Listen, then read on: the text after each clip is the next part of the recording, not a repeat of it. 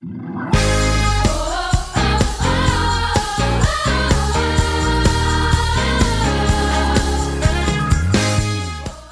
to the City Church International podcast. Each week we launch new teachings and preachings from our Sunday service. We hope it will encourage you in your relationship with Jesus and empower you in your everyday life.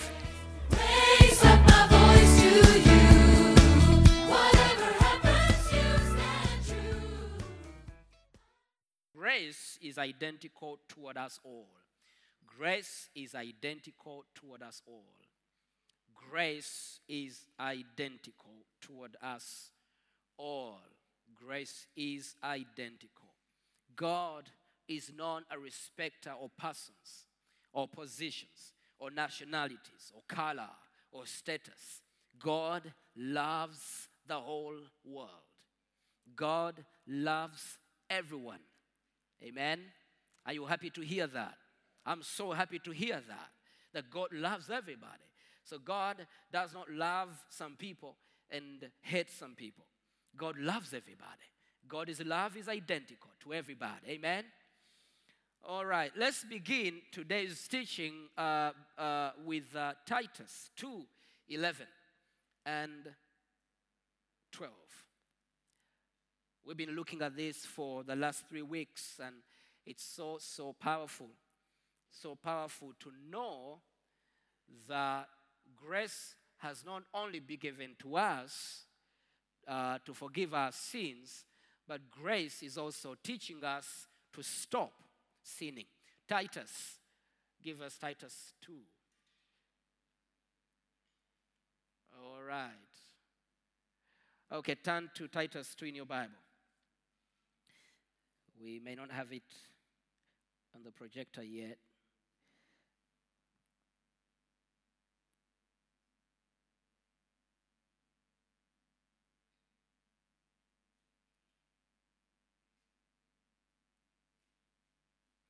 Are you there?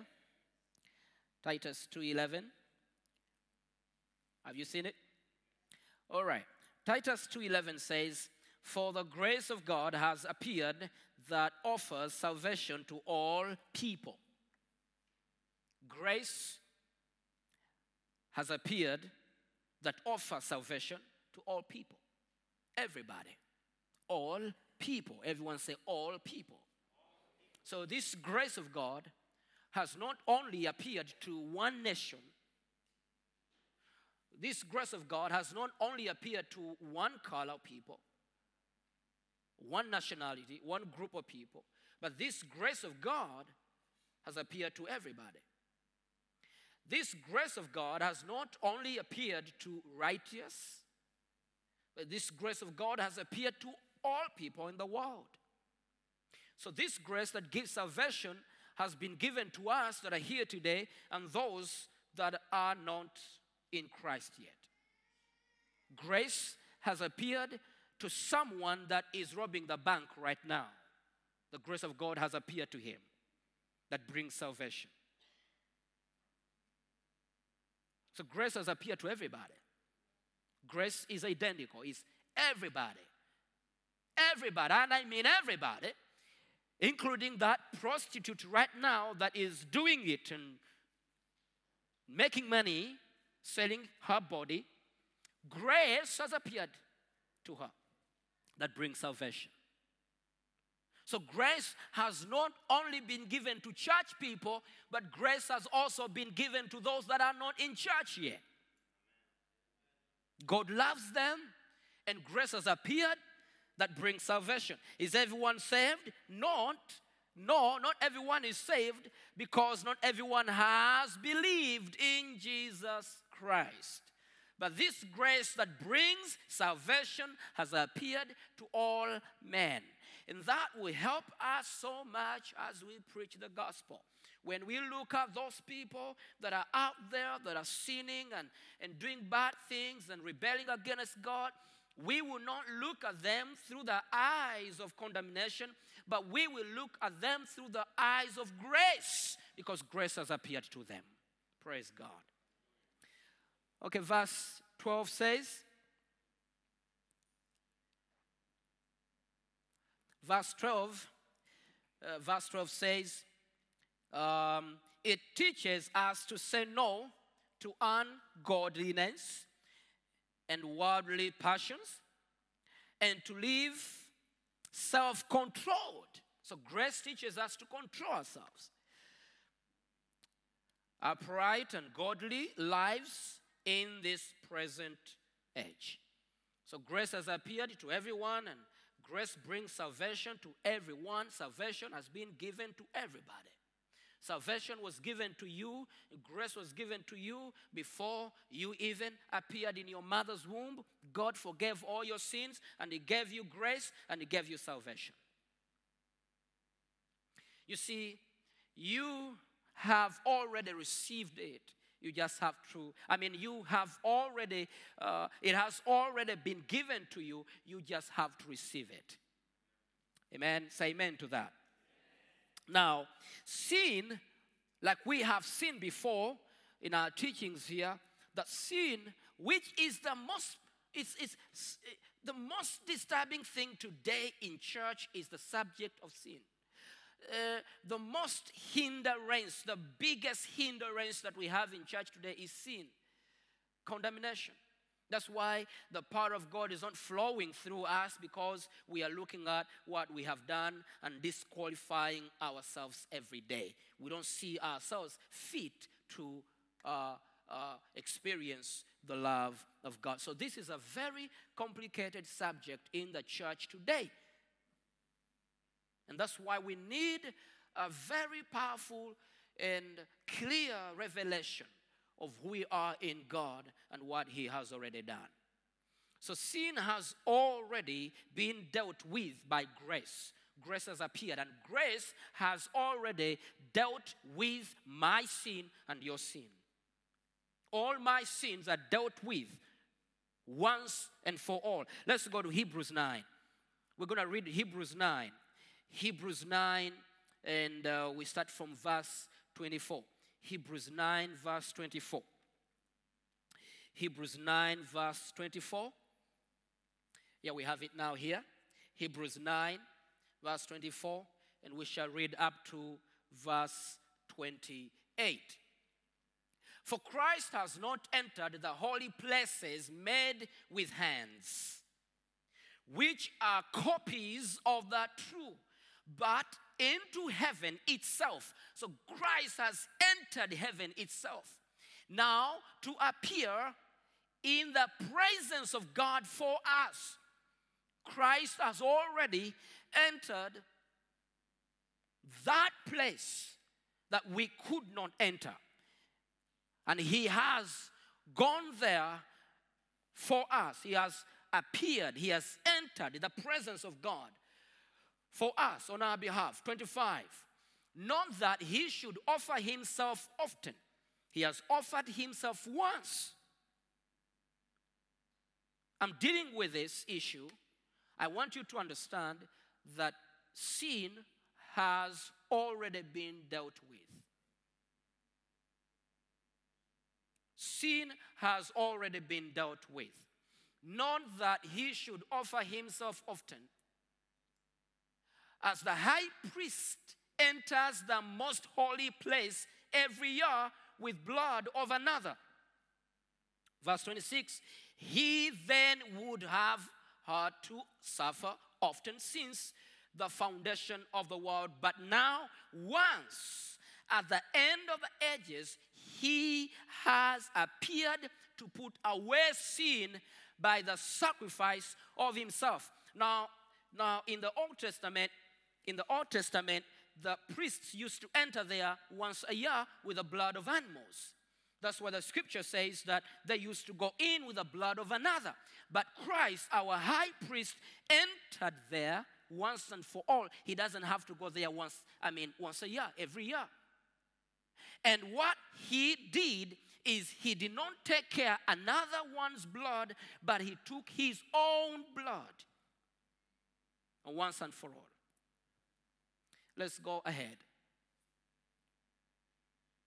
27 And as it is appointed for men to die once, but after this, the judgment. Verse 28 So Christ was offered once to bear the sins of many. To those who eagerly wait for him, he will appear a second time apart from sin for salvation. Now, NIV, NIV uh, says it very differently in, in, uh, in, uh, in verse 28. We will not go there. But, but what it means is this Christ entered there once and for all, and he does not have to die again. He does not have to go there every year like the high priests used to do. He offered this sacrifice for your sins once and for all. And the Bible says in verse 28 Christ is coming back the second time. And when he comes back the second time, he's not coming to deal with your sins. He says, To those who eagerly wait for him, he will appear a second time apart from sin for salvation. So he's not coming to deal with your sins. Your sins are dealt with once and for all. Now, when he comes back, he comes back to redeem you from this world and to give you a glorified body. You see, when you get born again, you can still sin. I still commit sin. You still commit sin. But Christ is coming back not to deal with the sins I've committed, but to redeem me out of this sinful body. Your spirit is already born again, is already saved and cleansed and holy and righteous. Your spirit doesn't sin. So Christ is coming to redeem you, get you out of this body that is still attached to sin. So he's not coming back to deal with your sins, but he's coming back to take you to himself. Come on, clap your hands to that. Amen. It's dealt with, already dealt with. And this is what church people don't understand. And this is what people argue with because they are used to paying and paying and paying and paying. They're used to a lot of rituals. They're used to so much that is not necessary for salvation. Instead of accepting and receiving this grace that has, has appeared for them. And stop struggling. Depend on the grace of God. Grace that teaches you to say no to what is wrong. Amen? Let's go to Hebrews 10. Hebrews 10, verse 11. Verse 11 to verse 12, and then we shall read also verse 14. Hebrews 10, verse 11 to verse 12 says, Christ's death perfects the sanctified.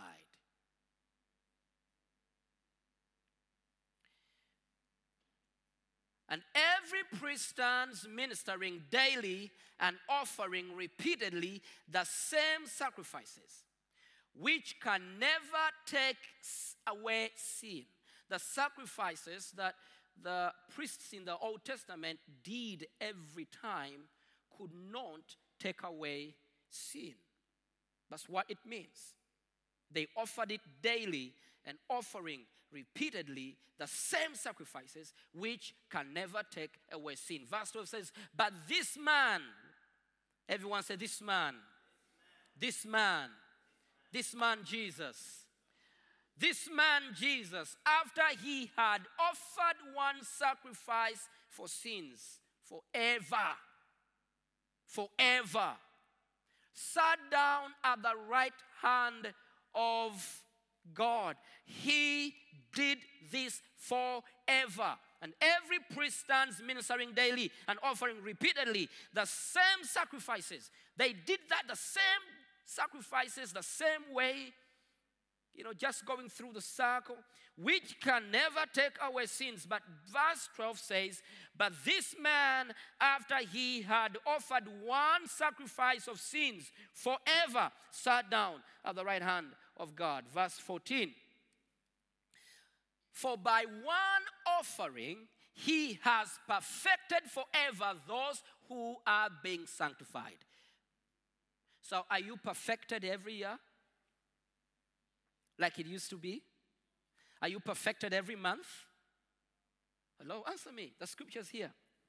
It's right there. Are you perfected every year? No. No.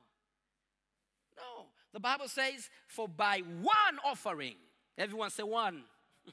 by one offering, one offering like this, he has perfected forever those who are being sanctified. So you and I are perfected forever. Now, let me say this to you your sins that are limiting you to experience the goodness of God and the power of God, and for you to enjoy the favor and what God has given you, that sin is permanently forgiven. So now you can live in freedom. And now you can live like a daughter of God and the son of God without condemnation. You are in Christ Jesus. You are now the righteousness of God. Your sins were paid for, forgiven before you existed. Before you committed them, He forgave you.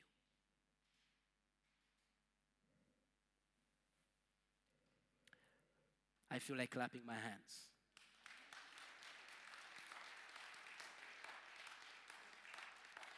Now, the problem is this, and even right now in my own congregation today, there are people are saying, Wilberforce, don't step there. Don't throw that bomb on us. You know why you're saying that? Is because you're stuck in the old covenant. You're very stuck in the old covenant. And I want to take you out of the old covenant and show you that the, the old covenant prepared the new covenant. It was a shadow of what was to come.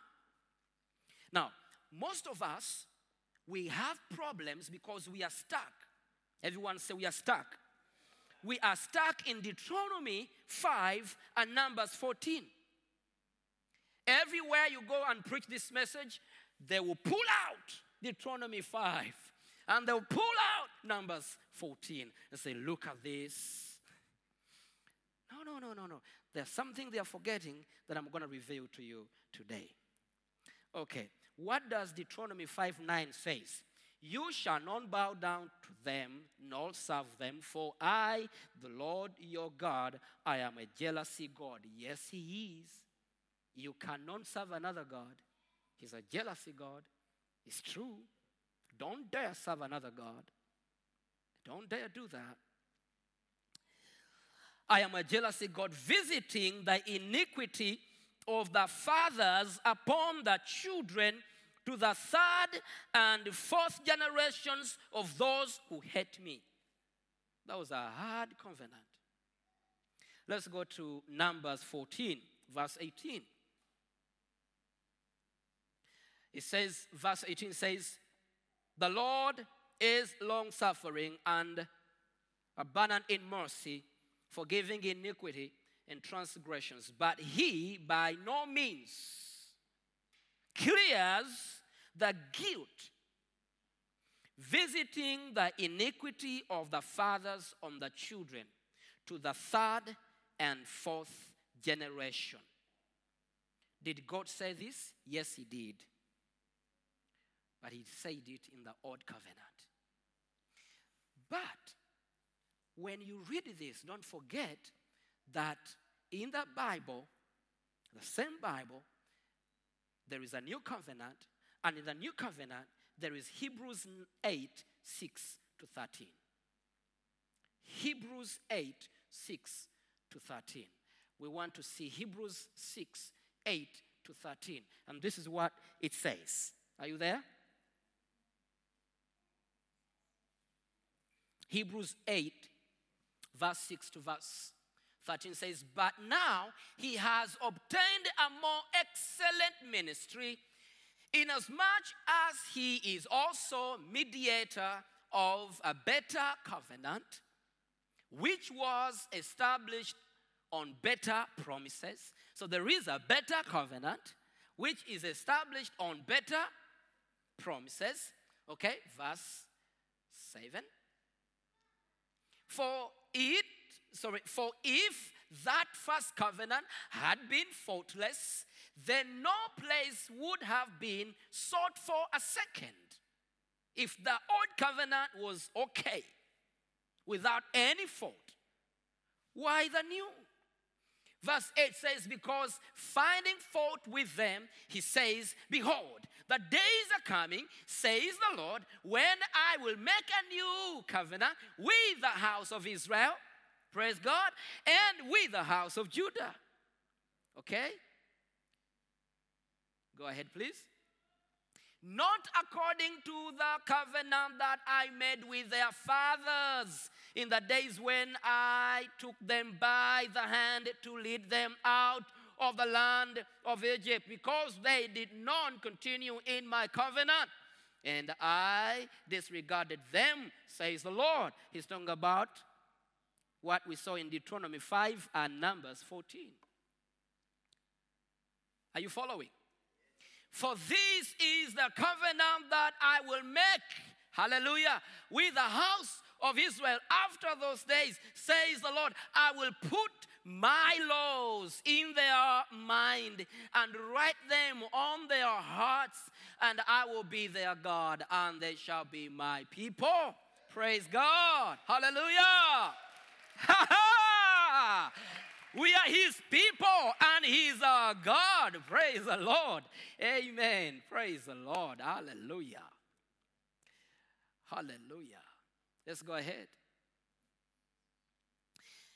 None of them shall teach his neighbor and none his brother, saying, Know the Lord, for all shall know me. All in a generation shall know him, from the least of them to the greatest of them. Verse 12 says, For I will be merciful. I will be merciful to their unrighteousness and their sins and their lawlessness deeds. I will remember them no more. No more. No more. Now, people are stuck in the old covenant saying, Oh, he's going to visit the sins of our fathers on us. No, no, no, no, no, no. The sins of, our, of my great grandfather and my grandfather and my father are forgiven by him, and my sins are forgiven by him, and he will not go to my children and visit them with my sins. No, that's not a loving God. That's not my God. That's not. Can you imagine? You leaving your inheritance for your children and you also leave your sins for them. As you leave a home for them to live, as you leave money in the bank account for them to enjoy, you also leave sins for them to be punished. No, that's not my God. That's not my God. That's not your God. So he says, Your sins I will remember no more. But the, the thing is this you keep on remembering your sins and you keep on going to him and remind him of your sins. And he says, I don't know what you're talking about. I forgave you, I paid the price. He says, I will remember no more. No more. Ladies and gentlemen, I never wrote a Bible. I'm reading the same Bible you read. It is in your Bible. God says He will remember your sins no more. Amen? All right. Are you convinced now? okay. they are convinced. okay, let's go ahead. I think we have verse 13 there, do we? Okay. In that, he says, a new covenant, hallelujah. A new covenant, hallelujah. A new covenant, hallelujah. Hallelujah. Praise God for the new covenant. He says, in that, he says, a new covenant, he has made the first obsolete. Now, what is becoming obsolete and growing old is ready to vanish away. So now, why are you stuck in what is vanishing?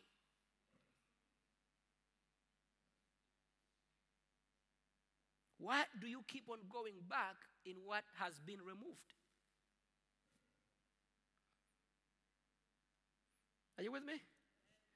Why do, you, why do we keep on going back? Don't you think this is the plan of the devil to destroy our lives? Because we keep on going back and going back and going back and going back in what has been removed. Do you know how many people in their prayer life? You see, that's why we don't grow in our prayer life because we keep on visiting our sins. And God says, I will never visit them. And I, I remember them no more. Hallelujah.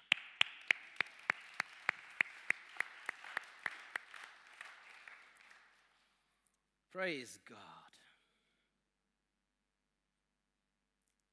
Now, because it has been dealt with by grace, that means it isn't dependent on whether you have asked Him to forgive you of all your sins or not. He has forgiven you. So, what you need to do is to put your trust in Jesus Christ. You are not receiving forgiveness because you know how to repent. You can't even repent enough to be forgiven. That's why you need the grace of God. Last Sunday, we saw that repentance is a gift. It is not yours, it's a gift. Forgiveness is a gift.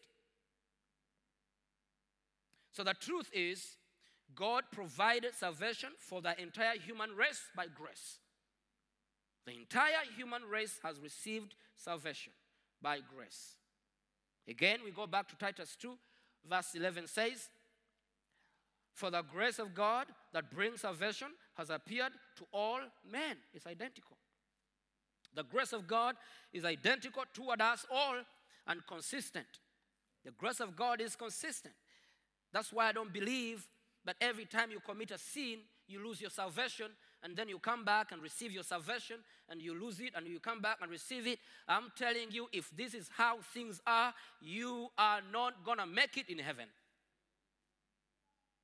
Because there are even sins you commit, you don't know them. You don't know about them. The sin of omission, there are things that you should be doing, and you're not doing them. Are you going to hell? So that this grace I'm talking about is consistent. Consistent. He is the same towards everybody. He is the same yesterday, today, and forever. He does not change. God is no respecter of persons.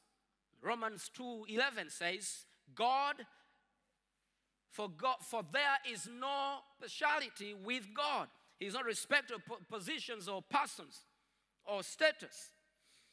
So does that mean that everybody is saved? I'm saying no, because not everybody has put their faith in what Christ has done on the cross.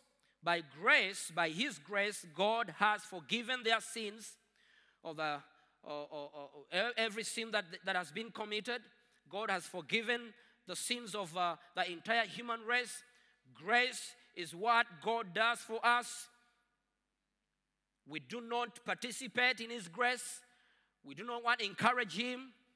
We don't want, we, do, we don't do anything. We don't want to go in there to try to push Him or do something thinking we're going to make Him happy for, for Him to give us His grace. We just receive it and He gives it to us because He is grace Himself. He is love Himself. True Bible faith is simply your positive response to what God has already provided by grace. Your positive response to what God has already provided by grace. Before you existed and before you even had a need, God had already created a supply for you. Before you existed and before you needed forgiveness, God had already given you forgiveness. Before you existed and before you needed healing, God had already given you healing. You see, the truth is, you don't get healed when you, you are prayed for. No. You got healed 2,000 years ago. Before you existed, you got healed. So, what, what we do here, when we lay our hands on you and you receive your healing, you are just receiving what has already been given to you.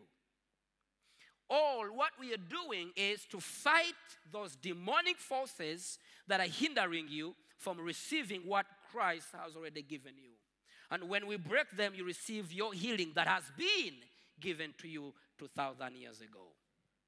So before you existed, before you came on earth, God provided everything that you need. Every provision that you need was provided by grace. Amen. Before you ever get discouraged, God has already blessed you with spiritual blessings. Spiritual blessings. Let's go to Ephesians 1. I'm finishing with uh, Ephesians 1, uh, verse 3. Ephesians 1, verse 3 says, Blessed be the God and Father of our Lord Jesus Christ, who has blessed us with every spiritual blessing in the heavenly blesses, blesses in Christ Jesus. He has already given us the spiritual blessings we need. Healing is a spiritual blessing. Forgiveness is a spiritual blessing. Favor is a spiritual blessing. Hallelujah. Christ has already pro- provided all these spiritual blessings. That's why we should live in thanksgiving. Blessed be the God of our Father, of our Lord Jesus Christ, who has already blessed us with every spiritual blessing, not some spiritual blessings, but every spiritual blessing. That's why you are not prospering in finances and get sick in your body. You're gonna be healed and still prosper in your finances. You will not get married and have no babies because that is not every spiritual blessing. You get married and you have a baby. Hallelujah. And you have a second one. Hallelujah. And you have a third one. Hallelujah. And a fourth one. By the way, I prophesy. I prophesy that some of you will have seven. Hallelujah. Woo! Praise God. Hallelujah. Work harder, work harder. Praise God. Because God has blessed you with every spiritual blessing. Praise the Lord. Hallelujah. Woo! Some brothers are excited, some sisters are not. Hallelujah. But I push through my prophecy anyway. Hallelujah. Praise God. If you have no time, three at a go. The second time, three at a go. Three at a go. Praise God. Amen. Multiply and increase every spiritual blessing. Hallelujah. Glory to God. Glory to God. Glory to God.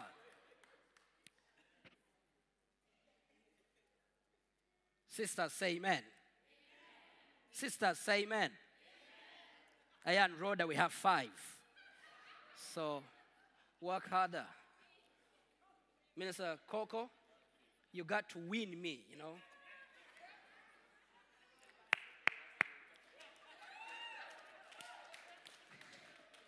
Praise God. Woo! I see weddings and I see babies. Hallelujah. I see weddings and I see babies. Praise God.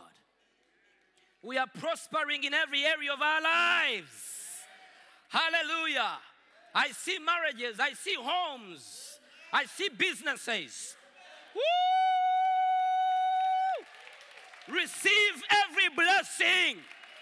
I said, receive every blessing. Hallelujah. Every blessing. Hallelujah. I am ready for every blessing. Hallelujah. Glory to God. I'm ready. I'm ready for every blessing. I hear the sound of every blessing. I hear the sound of every every blessing. You are not the tail, you are the head. You are not the last, you are the first. Every blessing, receive every blessing. Every blessing, every spiritual blessing is knocking on your door. Hallelujah. Woo! Come on, somebody dance with me. Hallelujah. Dance with me. Hey, come on, somebody. Come on, somebody dance with me. Hey, all my sins are forgiven. Hey, all my sins are forgiven. Now I'm ready for every, every, every spiritual blessing. Hallelujah. My children are blessed. My marriage is blessed.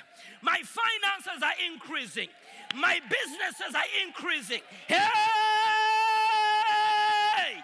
Every spiritual blessing. Woo! Listen to me. I shall be known. I don't know about you, but I shall be known for every blessing. When I come in, they'll say he's blessed.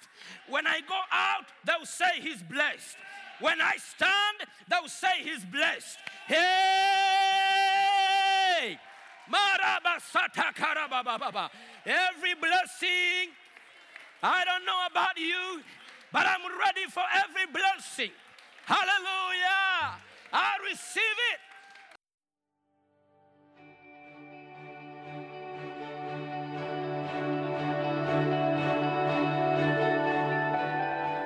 Thank you for listening. If you're in the Stockholm area, feel free to join us at our international services every Sunday at 2 pm at Adolf Fredriks Kyrkogata 10. If you'd like to know more about Jesus or for any other information, please do visit us at ccistockholm.se.